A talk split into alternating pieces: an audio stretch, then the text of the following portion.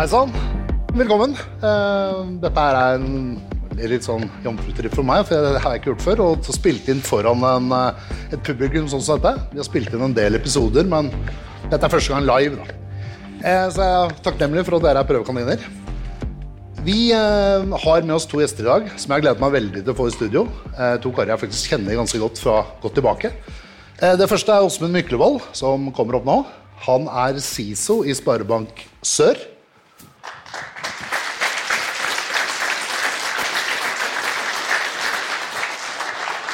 Og nestemann han heter Vegard Kjærstad, og han leder et innsendt response-team. Eh, og et innsendt Et innsendt response-team det er gjerne de som rykker ut og stopper hackere.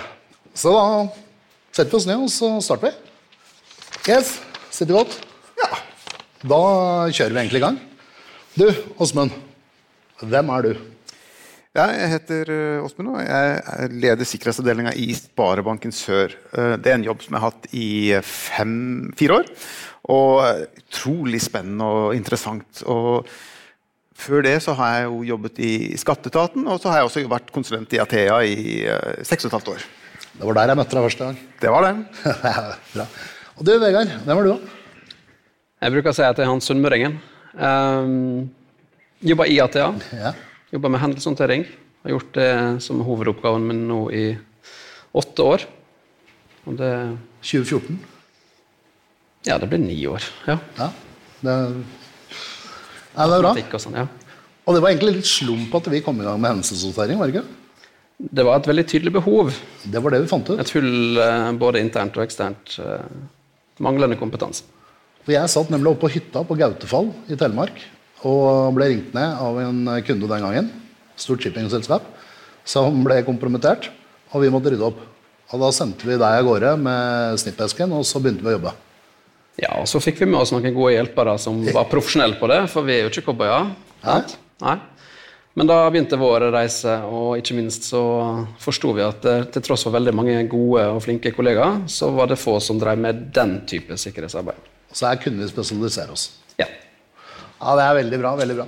Du, eh, Når vi sitter her med så mange fine gjester, og vi på en måte representerer litt sikkerhet alle sammen, så er jo alle liksom opptatt av hva er det som skjer i dagens trusselbilde. Vi ser liksom i media hver uke den ene kjente logoen etter den andre blir kompromittert. Eh, Stortinget blir hacka to ganger på kort tid. De hadde god unnskyldning, da. det var jo sommerferie imellom pga. sikkerhet og sånn. Men hva tenker du også når vi snakker om trusselbildet? Hva er det dere er opptatt av om dagen? Altså, vi følger jo trusselbildet veldig tett og har på en måte, gode etterretningskilder gjennom uh, våre bransjesamarbeid osv. Og, og er liksom veldig opptatt. Vi leser alle de åpne eh, trusselvurderingene til politiet og etterretningstjenestene. Og på en måte liker at vi føler at vi er orientert. Og når jeg snakker til, til vår ledelse og til vårt styre, så, så sier jeg jo det at trusselsituasjonen er skjerpet og at den er krevende å håndtere. Men, men hvis vi på en måte tar et skritt tilbake, så ser vi jo at det er jo mye det samme likevel. da. Eh, Det er fortsatt en del av de samme tingene som er eh, risikabelt. Det er en del av de samme typene aktør. Og man skal egentlig gå litt ned i minusja for å se eh, det som egentlig endrer seg fra år til år, med fragmentering og samarbeid og sånne ting på tvers av trusselgruppene. Men hvis vi ser stort på det, så er det jo fortsatt e-post, det er fortsatt phishing, det er fortsatt folk som trykker på lenker, det er fortsatt vedlegg som åpnes. Og, eh, og effekten er jo fortsatt litt den samme, altså. Vegard, når han sier dette her, er du enig da, eller? Ja. Jeg, ehm, nå er trusselbildet litt ulikt eh, basert på hvem du er. Ja. Altså Hva er ditt trusselbilde, og hvem er du i forhold til de trusselaktørene som er der ute. Eh, og Der er det nok litt forskjell på det å være i en bank versus kanskje en mindre norsk virksomhet osv. Mm. Men, men uh, det er samme trusselbildet? Aktørene, på en måte. det, det er de samme aktørene som finnes i det store bildet, og så er det litt variert hvem de går etter. Um, og de aktørene vi ser mest av, altså Athea som en av leverandørene til å gjøre hendelseshåndtering, så er jo det de opportunistiske aktørene. De som skal inn og tjene penger mest mulig effektivt på kortest mulig tid osv. Um, og jeg er jo helt enig med det Åsmund sier, at hvis vi trer tilbake, så er i alle fall tiltakene akkurat som han sier, det, er de samme vi har snakka om i snart 20 år, vil jeg tørre å påstå. Det er segmentering av nett, og det er e-postbeskyttelse. så kommer det av og til noen nye varianter som gjør at vi må tilpasse oss og vi må følge med på det. og Senest denne uka her så har jo mye handla om Cisco sårbarhet, som ble sluppet mandagskvelden. Og så er plutselig alle litt sånn panisk. Hva betyr det for oss? Um, har vi en sandings? Um, og så må vi få kontroll på det. og da er jo det litt vesentlig og litt enklere hvis du har kontroll på hvilke greier du har. da. Så hvis du har god grunnleggende kontroll på hvilke type enheter vi har, så er det enkelt å se på den lista. Jeg har åtte slike, og det er de jeg må ta hånd om nå. Så det, vi er fortsatt der at altså Jeg begynte med det for 20 år siden, og da var e-post det skumle. Og det er jo en av de mest skumle tingene nå også. Men nå handler det vel enda mer om å ha oversikt på hva har vi, hvordan gjør vi dette her. altså vi, og, og, vi snakker ofte om å kjøre sandkasser. Vi snakker om hvordan, hvordan, hvordan får du slukt ut disse e-postene? Har vi snakket om det? Altså, vi, kjører, vi, får jo stadig mer avanserte mekanismer i, uh, i e-posttjenestene våre. Vi har proxying, og vi gjør sandboxing, og vi gjør andre ting for å på en måte analysere og sjekke om e-posten er legit. Men, uh, men vi er fortsatt der at vi må trene våre ansatte. Vi er fortsatt der at vi må på en måte fortelle folk hvordan de jobber. Mm. og det, Hvis man skal snakke om en ting som faktisk har endret seg i det siste, så har vi jo gått fra at uh, de e-postene man faktisk sender ut, har gått fra å være egentlig halvdårlige til at det vi ser nå, er at de blir faktisk begynner å bli veldig gode. da. Mm. Men det er jo fortsatt den samme trusselen, det er bare at kvaliteten er blitt noe høyere. Det er, det, det er fortsatt noe du må se på, analysere, ta stilling til og velge å ikke klikke på. Ja, altså Jeg kjørte jo for en sånn test det vil jeg kanskje ikke si høyt, men vi kjørte en sånn test for ikke så lenge siden og klikke hva er spam og hva er ikke spam, og hva er trusler og ikke trusler. Og jeg må jo innrømme at det var jo ikke alle jeg klarte å ta. Altså det er jo, Da må du liksom klikke inn og se på adresser, og du må liksom skrive feil. og Det er liksom de som var litt tydelige før. at Jeg hadde jo ikke en fetter i Nigeria som skulle sende meg 10 milliarder kroner, selv om jeg håper jo på det. Men da klikker du ikke. Men når det begynner å bli så legitimt som det er nå, da begynner det faktisk å bli Den brukeropplæringen den er viktigere enn noen gang. Ja. Uh, og så må vi tilpasse den brukeropplæringa, sånn at vi får brukerne til å forstå at uh, det er ikke nødvendigvis anfettene i Nigeria som sender de ti milliardene vi skal være mest bekymra for, for den klarer de fleste å oppdage. Selv jeg. Selv du. Uh, det som jeg er mest bekymra for, basert på det vi opplever, er jo egentlig de legitime e-postene som ingen tekniske løsninger klarer å beskytte mot eh, fordi de kommer fra Altså, det er Thomas som sender mail til Åsmund mm. fordi at Thomas trykte på den mailen fra ja. han fra Nigeria først og mista sin konto. Så kunne din konto bli brukt. Og da er på en måte alt er legitimt. Mm. Og da er det opp til Åsmund. Da Da er han liksom siste skydd i denne eh, kampen her. Mm.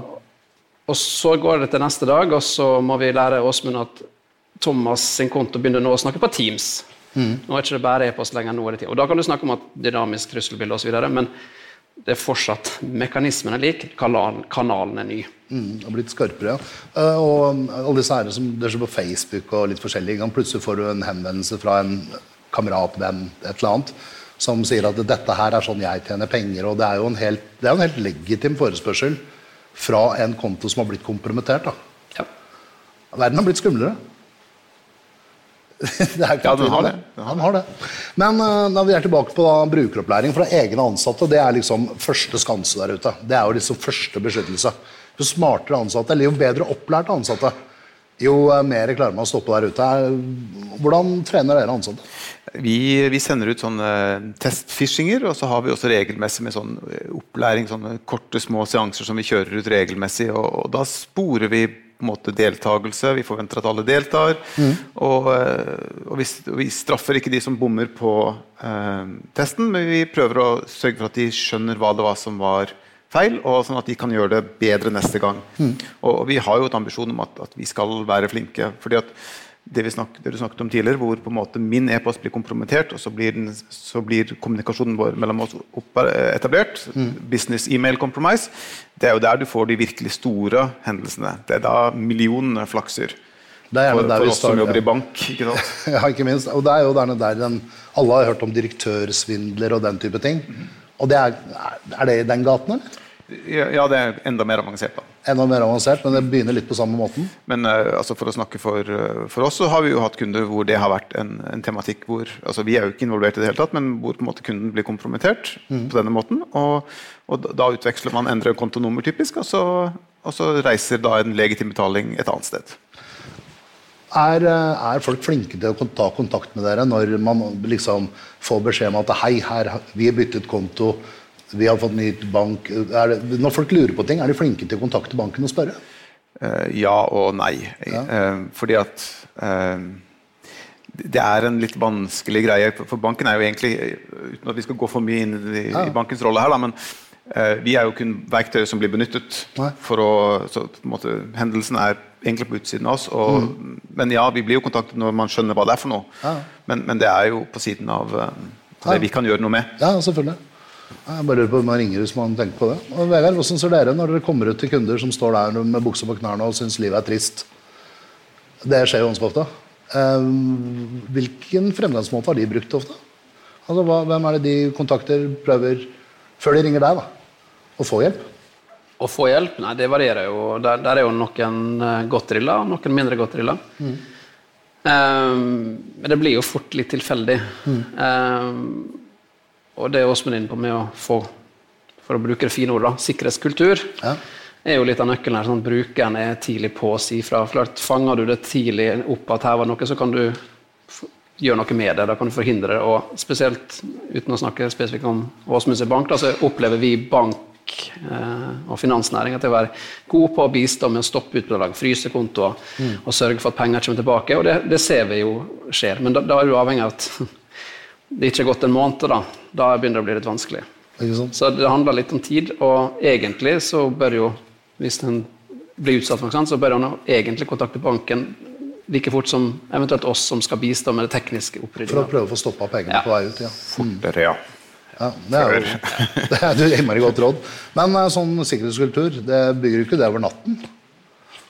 Får man med seg ledelse, HR, hvem er det man får med på dette? Ja, altså, all tekstboklærdom du vil noen få, handler jo om å forankre på toppen og jobbe nedover. Um, skal ikke henge ut noen her, og spesielt ikke skomakerens barn osv., men når du får den opplæringa du får, da, så hadde det vært interessant om du fikk en oppfølging spesifikt på hva du kunne bli bedre på. Og her er jo et rom for å bruke et av våre mest populære buzzwords, AI, til å tilpasse på hva er det du burde egentlig ha spotta, i stedet for at du får en veldig generisk greie som du får ja og nei på. Så får du noe som tilpasser. Um, så det er jo at vi forstår i større grad, og det jeg vet en del virksomheter gjør, er jo eksemplifisere. Altså ta konkrete dømmer og bruke det og fordumme det. da, Sånn at jeg er helt sikker på at hele organisasjonen får med seg hvorfor det her var en spam, og hvordan skulle han spotte det. Jeg er veldig glad i den nye knappen som har kommet i outlooken vår. Det har kommet en knapp opp på siden du kan klikke på, eh, og da gir en beskjed om at dette er en spam, eller eh, takk for at du sa fra og sånn. Er det noe som flere bruker om dagen? eller? Det vil jeg absolutt tro. Og så spørs det hva som skjer når du trykker på den knappen. da. Skjer det noe mer? Ja, det, jeg fikk en varsel sist gang. blir det sånn at alle får en varsel og trekker den tilbake? Ja. Don't know, jeg klikka. Men, men det er tilbake til det, og hva er det som blir gjort bakom, og hva brukes det til? å Få brukere med på laget er nøkkelen i dag. Du klarer ikke å få teknologi totalt. Du kan legge opp til at teknologi hjelper deg langt på veien, og så trenger vi den siste biten, at brukerne har is i magen og bruker disse seks sekunder som det opplæres til å tenke på. Så du må få med deg brukerne.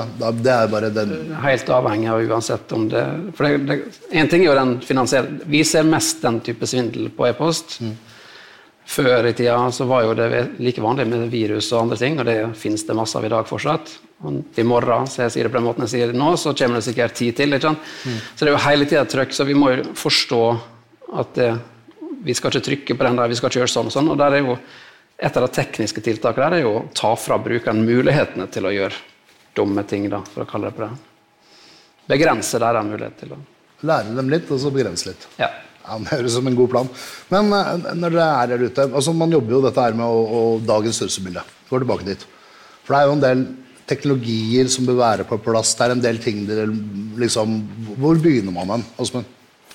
Nei, altså Vi begynte når vi begynte vår reise for fire år siden, så begynte vi jo med på en måte, hva er lov og hva er ikke lov, og så på en måte skrive en policy, lage en regel og en, en policy. og kan, Her kan du få hjelp av ISO, her kan du få hjelp av NIST. Eh, eller du kan bruke bare eh, NSMs grunnprinsipper, som er vel så bra. Mm. Eh, tilpasse det virksomheten og så på en måte lage en tegning. og Det kan være et dokument som er 150 sider, og det kan være to sider. Det kommer litt an på virksomheten. Og så på en måte bare skrive ned hvordan skal det være, hva er målet vårt. Så kan vi jo begynne der. Mm. Og etter det så må man jo eh, finne ut hvordan oppnår man de ambisjonene man har. Men det er smart å begynne med å vite hvor du har tenkt å gå. Hva er ambisjonene med sikkerhetsarbeidet i den virksomheten du jobber i? Når du rykker ut, Vegard, er det ofte man har gjort det forarbeidet, eller eh, hva ser du? Et stort spørsmål. Um, Min oppfordring handler jo veldig ofte om å gjøre det altså bygge det fundamentet. Mm. Eh, og veldig ofte så kommer vi og bistår virksomheter som ikke har gjort det fundamentet da riktig. Og da er jo, det betyr ikke at de ikke har et mål, en visjon, men det handler kanskje like mye om kapasitet og økonomiske muskler til å gjennomføre. Eh, vi er Norden så er vi litt mindre enn det amerikanske. Vi har litt færre personer og folk å ta av. Og det er fryktelig mange hatter som blir satt på IT-personellet vårt. Eh, og så er ikke alle oppgavene som nødvendigvis hører hjemme på IT-personellet, men noen mener at der er det allikevel lettest å legge det. Eh, så god eierskap til system og hvordan vi driver de prosessene og forretningene våre er avhengig av, det flyter litt løst til tider. da. Når det skal være sagt, da, så er vi på andre sida veldig gode å vite hva er viktig for businessen vår. Så driver du en fabrikk og du produserer x antall slike i løpet av en dag, og du vet nøyaktig hvor mange kroner det når, når ikke den enheten går ut, eller lastebilene ikke får kjøre, eller, eller, eller, så har du et veldig mye tydeligere syn på hva er det jeg skal prioritere når vi skal få det i gang igjen. Hvor stoppet den? Hvor skal du starte? Ja, hva, hva er viktig for forretningen vår? Hva kan vi klare oss uten i ei uke? Hva er det vi må ha helst i morgen? Og Der skulle vi selvfølgelig hatt gode planer i utgangspunktet, men allikevel så blir det pga. litt mindre forhold, litt tydeligere og sterkere eierskap til virksomheten vi driver på med, så er det flinkere på å sparke og prioritere riktig. Så det er egentlig da sier jeg at det viktigste er å ha en deteksjonsevne i forhold til hvor stopper ting? Jeg vil jo si at eh, hos, Jeg tenker i hvert fall sånn at eh, hvis vi får en mål, eller en motivert angriper eh, som ønsker å ramme vår virksomhet, mm. så er sannsynligheten til stede for at, at, de vil nå målet sitt. Altså at, at man vil få et fotfeste etter anslag Og være flink nok med phishingen eller finne en sårbarhet eller, eller, et eller annet. Hvis de vil inn, så kommer de inn? Ja, det, det, vi må nesten tenke sånn. Ja. Eh, og, og, da blir det jo et spørsmål om uh, er vi i stand til å oppdage det når det skjer. og eh, vi, vi, tenker også sånn at eh, hvis vi gjør det vanskelig for de å få det første fotfestet, at de må bråke litt for å komme inn, og at uh, de i tillegg gjør det litt vanskelig for de å bevege seg lateralt eller sideveis hvis de kommer seg inn, mm Eh, og i tillegg er i stand til å oppdage det, så har vi jo eh, muligheten til å reagere slik at konsekvensene blir begrensa. Når dere rykker ut, eh, Vegard, er det ofte dere rykker ut fordi noen har sett dette i tidlig fase, eller er det oftest at nå står det sju steiner, nå må vi begynne? Ja, skal jeg være den positive, da? Ja, positiv. um, ja oftere og oftere Kult. kommer vi i den posisjonen i dag. Um, det er fortsatt at vi kommer for seint naturligvis. Eh, men vi har kanskje bedre forutsetninger for å forstå, mm. og dermed effektivt håndtere riktig. Uh, kanskje fastslå hva har skjedd, hvilke data er berørt, har de stjålet noe, osv. Uh, og så er jo det en del tilfeller som blir stoppa før det hele tatt skjer noe, i større grad enn vi opplevde før. Um, og det handler jo om modenhet, bunn og grunn. Um, jeg lik, bruker jo like å appellere litt til den voksne i rommet, den som er i virksomheten, ledelse, og jobber med risiko hva er det som er risikoene? Ikke bare anskaffe produkt, der har vi krangla litt, jeg og du. Eh, selgeren i det liker ikke det samme som meg, som er nøktern og tilbake. Um, men, men appellere til å bruke, se på risikoer. Hva er det som truer forretningsprosessene våre? Og så kommer sikkerhetsgreiene mm. som en uh, konsekvens av det, når vi skal mitigere risiko eller uh, jobbe med dem. Så det blir bedre. Og så er det fortsatt en del å gå på på vissheten. Og hvis jeg tar det året vi er nå, da, 2023, så er vi litt tilbake der hvor vi var i 2021 i forhold til antall store hendelser. 2021 var et travelt år.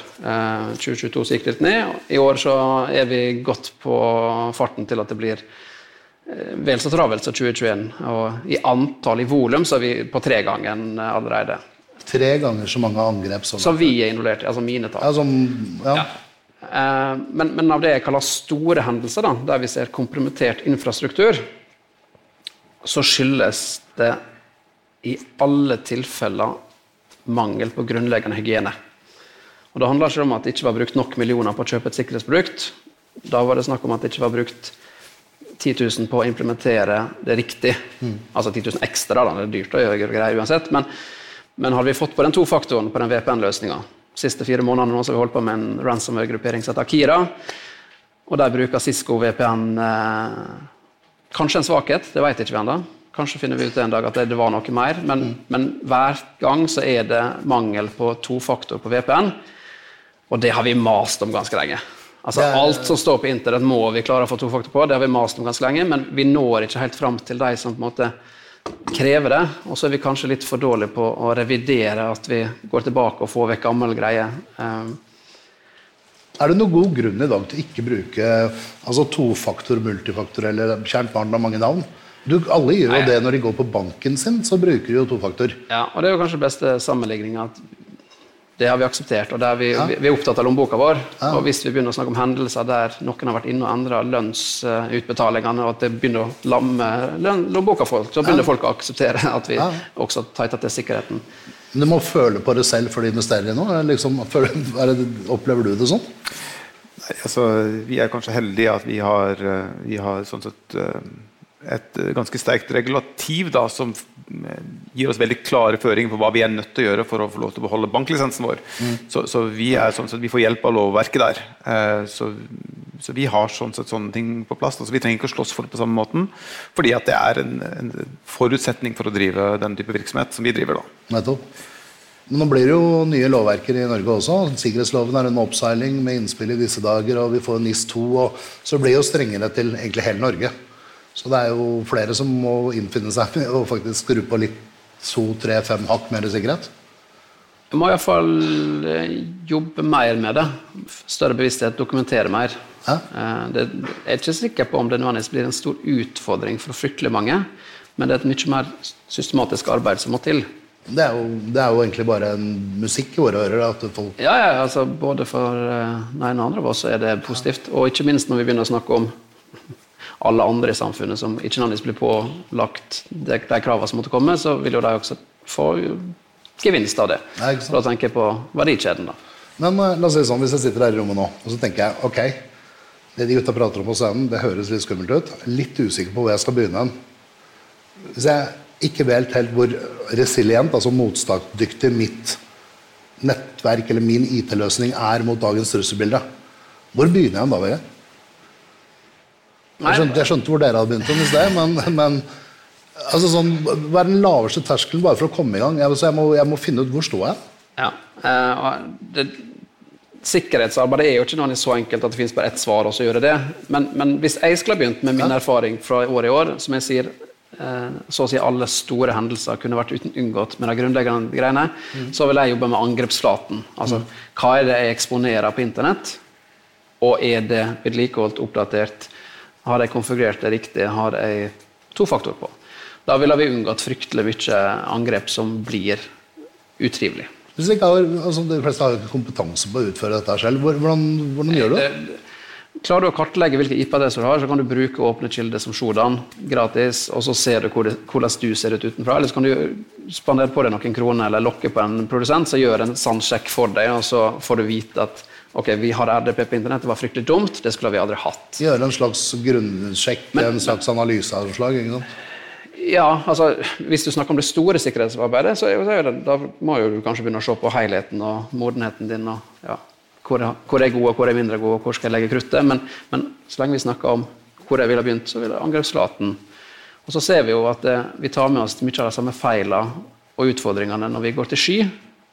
Og hvis du gjør et enkelt søk på f.eks. Shodan For alle som ikke vet hva Shodan så er det en søkemotor i bunn og grunn som forteller deg hva som står på internett. Eh, og hvis du søker der på landet Norge og ser på hvor mange som har den velkjente RDP, som er en protokoll som tillater fjernstyring av ting som ikke skal stå på internett, punktum, så er det et par tusen fortsatt som er det, og stor andel av dem er i Asher, i sky.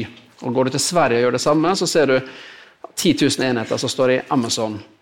Og Det forteller oss at vi har flytta med oss gammel lov å si dritt på sånne. Der, kan vi si. Dårlige vaner. Ja, Vi har flytta med oss dårlige vaner og eh, opp i sky. Og så ser vi også at det er lett å gjøre feil i sky. Det er lett å eksponere ting med et uhell.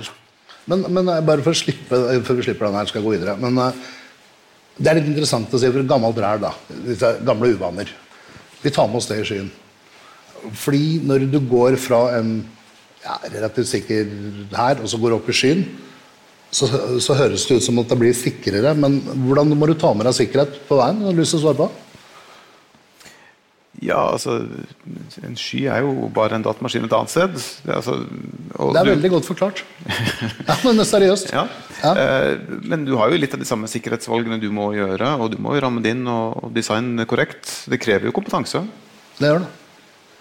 Det er så mye kompetanse. og Det, det, det er en interessant ting. Det, vi, må, vi må gå videre her. Eh, Det her er noe jeg vet dere begge to på en måte brenner litt for. Og det er dette her med å øve litt. Å øve. Blir du god på noe, så må du øve. Det er det jeg sier til sønnen min når han ikke gadd å gå på basketbanen. Skal du bli god i basket, men han gadd ikke å øve. Skal du bli god, så må du øve. Hvordan øver vi?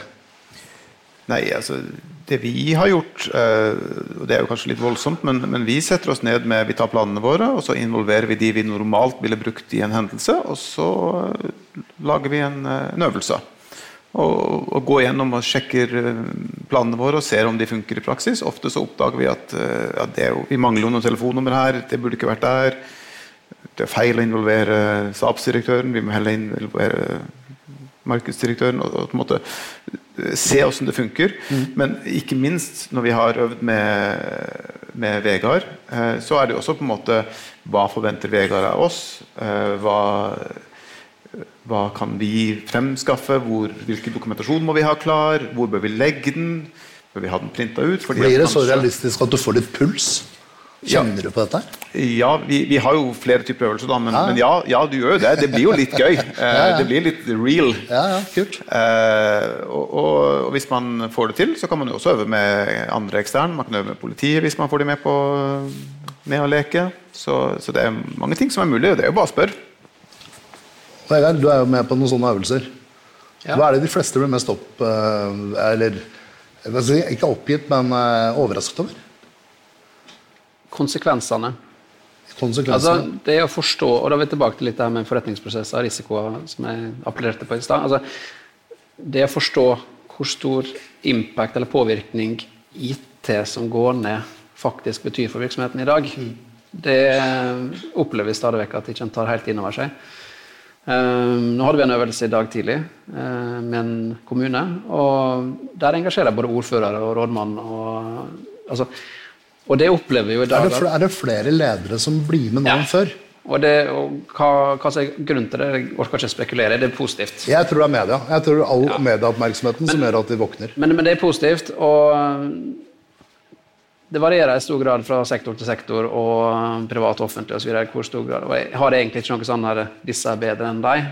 Åsmund er en sektor som er regulert, og dermed må gjøre det. Og det er jo egentlig noe alle burde gjøre. og jeg skulle gjerne brukt ordet 'må'. Eh, For det er en egeninteresse å, å forstå det her.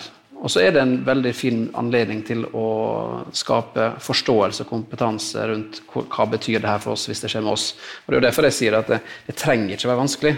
Du kan- altså En sånn skrivebordsøvelse kan du gjøre. Du kan bruke to timer, få med ledelse, og så sier vi at i dag kom vi på jobb, og alt var ned. Hva gjør vi nå? Så enkelt kan du begynne. Det trenger ikke være en tre ukers planleggingsfase. Du kan begynne der nå det er. Og det jeg opplever der, er jo at en gjør seg en del erfaring underveis. Og så er det varierende grad hvorvidt en har tid og kapasitet til å forbedre seg. Igjen veldig avhengig. Men jeg har eh, nylig hatt en relativt nesten sentimental opplevelse for en En sentimental ja, jeg ble opplevelse. Det rørt, jeg ble rørt av uh, den kunden. Jeg følte at de tok med seg lærdommen og virkelig forbedra. Og der tenker jeg at Hvis ikke man tar seg tiden til å gjøre øvelser, så kan man jo i hvert fall eh, printe ut eh, Næringslivets sikkerhetsråds eh, nødplakat og henge den på veggen sin. Det har jeg gjort. Skrevet den opp Der har du noen telefonnummer, så om ikke du gidder å øve, og om ikke du har planen klar til alt, så har du i hvert fall eh, en sånn, eh, noe du kan holde fast i, og noen å ringe. Hvis alt er, eh, alt er ute. Det er, det er et innmari godt råd. Der har jo man på en måte gjort en del altså Næringslivets sikkerhet jobber jo for næringslivet. Og de har jo tette relasjoner inn mot alt fra politiet til, til oss, til alle næringer, egentlig. Eh, så de jo, de svarer på mye rare spørsmål også. Og den nødplakaten de har lagd, den er, det er som du sier, Osmund, takk. Det er et innmari godt råd for de som ikke vet hva, hva det er. Print den ut, heng den på serverdøren på utsiden, liksom, så alle vet hva de kan gjøre hvis et eller annet skjer. Så det er en innmari godt innspill. Det er kanskje det smarteste folk tar med seg hjemme i dag. Når det, er, når det er sagt. Men når vi snakker om ting som er godt laget og sånn, Jeg er veldig glad i grunnprinsippene til NSM. Jeg er ikke veldig glad i lover og regler. Jeg kjører bil, så kanskje. Men de grunnprinsippene til NSM, hvis man setter seg litt inn i det og så bare skryter litt av Athea, Vi var 500 stykker i fjor internt i Athea som tok eh, sertifisering i grunnprinsippene. Og det gjorde vi på fritida vår, så det er liksom litt sånn innsats. Ehm, de grunnprinsippene, hvis du følger det litt slavisk altså Det er ikke kjempekomplisert å skjønne, og det er egentlig ganske logisk. Ser dere at flere og flere begynner å følge dette her? Altså, dere, du snakker om grunnprinsippene. Osmund. Ja, altså Grunnprinsippene til NSM er superbra. Eh, mm. hvis, hvis, alle sammen fulgte de, og faktisk fulgte de, så tror jeg vi hadde hatt Da hadde vi sikkert hatt lite å gjøre, tror jeg. altså, nei, kanskje ikke er så bra likevel. og selgeren. Ja, nei, jeg, jeg, tror at hvis alle hadde gjort det, så hadde vi vært et mye bedre sted. For det, det er veldig mye klokt som står ja. der. Så eh, der har NSM gjort en kjempebra jobb, altså. Det er, ja, det er faktisk solid. Innmari god jobb så er det mange av våre kunder som, eller de du rykker ut til, som har kjennskap til det? eller er det... Kjennskapen begynner å bli bra. Det gjør det?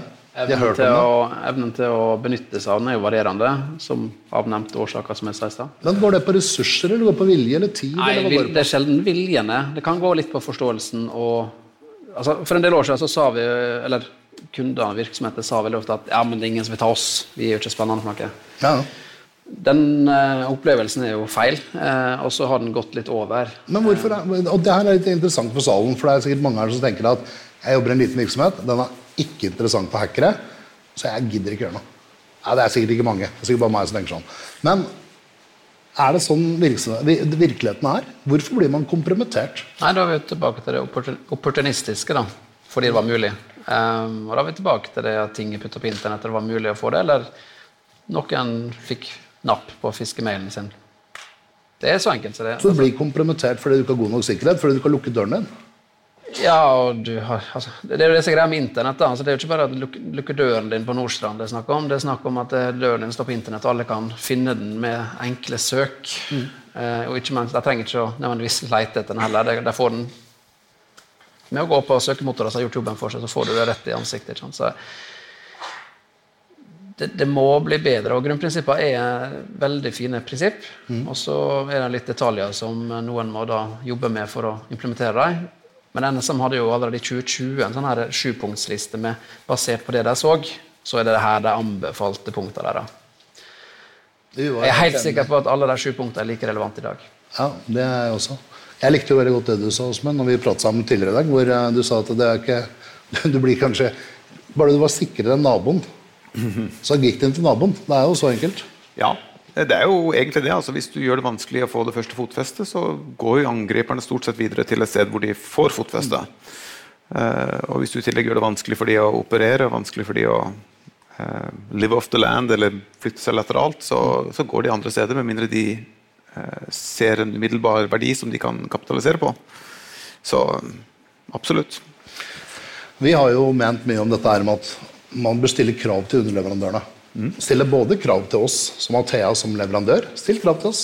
Vi blir bedre av det, dere blir bedre bestillere av det. Og for din del, når du velger ut folk du vil samarbeide med, skal ha ny kantine hvordan de, Stiller dere noen krav til eh, underleverandørene? Ja, vi gjør jo absolutt det. Uh, igjen, vi er jo regulert, så vi har jo en del ting å forholde oss til der. så vi, det, er, det, er, ikke så veldig valgfritt. Men, men ja, vi, vi har en, en, en, sjekkliste som vi sjekker ut leverandørene våre med. Og, og vi gjør også leverandørrevisjon. Så vi på en måte går et år etter at avtalen er inngått, og så sjekker vi. Har dere de tingene her fortsatt på stell? Hva er den siste versjonen? Har dere fortsatt gjort risikovurderinger? Hvordan jobber dere? Og, på en måte kontrollerer den lovnaden vi fikk i innsalget, mm. mot det vi klarer å bevise. Det er ofte en interessant øvelse. Nå er det sånn at Den siste rapporten til NSM ranket jo faktisk underleverandører som den største trusselen. Én av tre. Mm -hmm. Hvis alle andre som ikke hadde lovpraktiske krav, som dere har, men hvis alle andre begynte å stille litt krav til underleverandørene sine, har du tro på, Dette er kanskje et litt ledende spørsmål, men har du tro på at samfunnet hadde løftet seg noen hakk da? Ja, absolutt. Altså, leverandørene de gjør jo det som er nødvendig for å beholde kontrakten. Ikke sant? Så hvis du utsetter dem for krav, så vil de jo tilpasse seg de kravene og forventningene som markedet stiller. Hvis ikke så er de jo ute av business. Darwins lov. Jeg, jeg har tro på det. Har du tro på det? Ja, Bare vær enig med meg for en gangs skyld. Ja, jeg var naturligvis enig. Men, men, jeg skulle gjerne sett veldig mye strengere krav i anskaffelser. og Innkjøperkompetanse er jo nøkkelordet der. Mm. Um, ser veldig mye rart. Uh, og så er det jo igjen varierende fra næring til næring og sektor til sektor. Men vi har litt for mange som aksepterer at uh, leverandør sier ja, men det er sånn vi bruker å gjøre det. Ingen andre har jo klaga på det her. Hvorfor skulle det være så vanskelig? Um, og det, det, Sånn kan ikke vi fortsette. Har du vært borti noen som har vært flyende forbanna på underleverandøren sin pga. at de har gått inn den veien? Du trenger ikke å si hvem og hvor og når og hvorfor. Ja, altså Det er jo ikke mer enn to måneder siden jeg hadde en hendelse der pga. at leverandøren blir kompromittert, så blir den kunden eller virksomheten vi bistår, kompromittert. Altså det, det blir jo en kjede. Det høres ut som det får en floke i samarbeidet etter noe sånt? Nei, han prøvde jo, så ble han direktøren som jeg med, så sa jeg til han at du har ikke gjort din jobb du heller, så hvis du skal lage styre her, så tror jeg vi skal dele skyld i så tilfelle. Okay. Altså ikke vi, det var ikke vår kunde, men, men uh, han må jo ta ansvar for sin egen sikkerhet og kravstille, og ikke minst ettergå, som Åsmund er inne på. Mm. Det ser vi jo stadig flere eksempel på. Og så syns jeg jo det er litt vanskelig en, at ikke innkjøperkompetansen er riktig, og på andre sida at ikke leverandørene etterstreber å være bedre enn absolutt minimum. da. Det kan jeg jo si at Når vi gjør den revisjonen, så er det faktisk veldig mange av leverandørene som, som svarer ja, her er svar på revisjonen din. Kult. Ikke sant? De er forberedt, de begynner å, å, å ha, det på, ha, det forberedt. Så det er ikke nødvendigvis alltid krevende å gjøre en enkel revisjon. Så klart, Jo dypere du skal gå, jo mer krevende er det. men å gjøre en første kontroll er ikke nødvendigvis krevende. Ja, jeg vet jo at Noen utfører en modenhetsanalyse der hvor de på en måte går gjennom og så har de svarene. Dette er organisatorisk, dette er teknisk, dette kan vi forbedre. Og så har de med seg et dokument som sier at dette er sånn det står til. Dette er sånn vi kan gå på. Det er et utgangspunkt, det òg. Ja, ofte så får du da en revisjonsrapport for eksempel, da, som er ferdig utarbeidet. ikke sant? Et godt norsk ord. Uten tvil. Du, Nå begynner vi å nærme oss slutten her, og da, da pleier jeg å like oss å stille et par litt sånn personlige spørsmål kjenne på personlighet. Eh, og det, det gjør vi der også nå. Så jeg begynner egentlig med Åsmund. Hva er ditt beste sikkerhetstips? Det må jo være å sette multifaktor på absolutt alt det går an å sette multifaktor på. Ja, Det er da, tips. Ja, Da tar du 99% altså, av eh, tilfeldige angrep på hjemmebane privat. Kjempetips. Vegard, hva er ditt tips? da?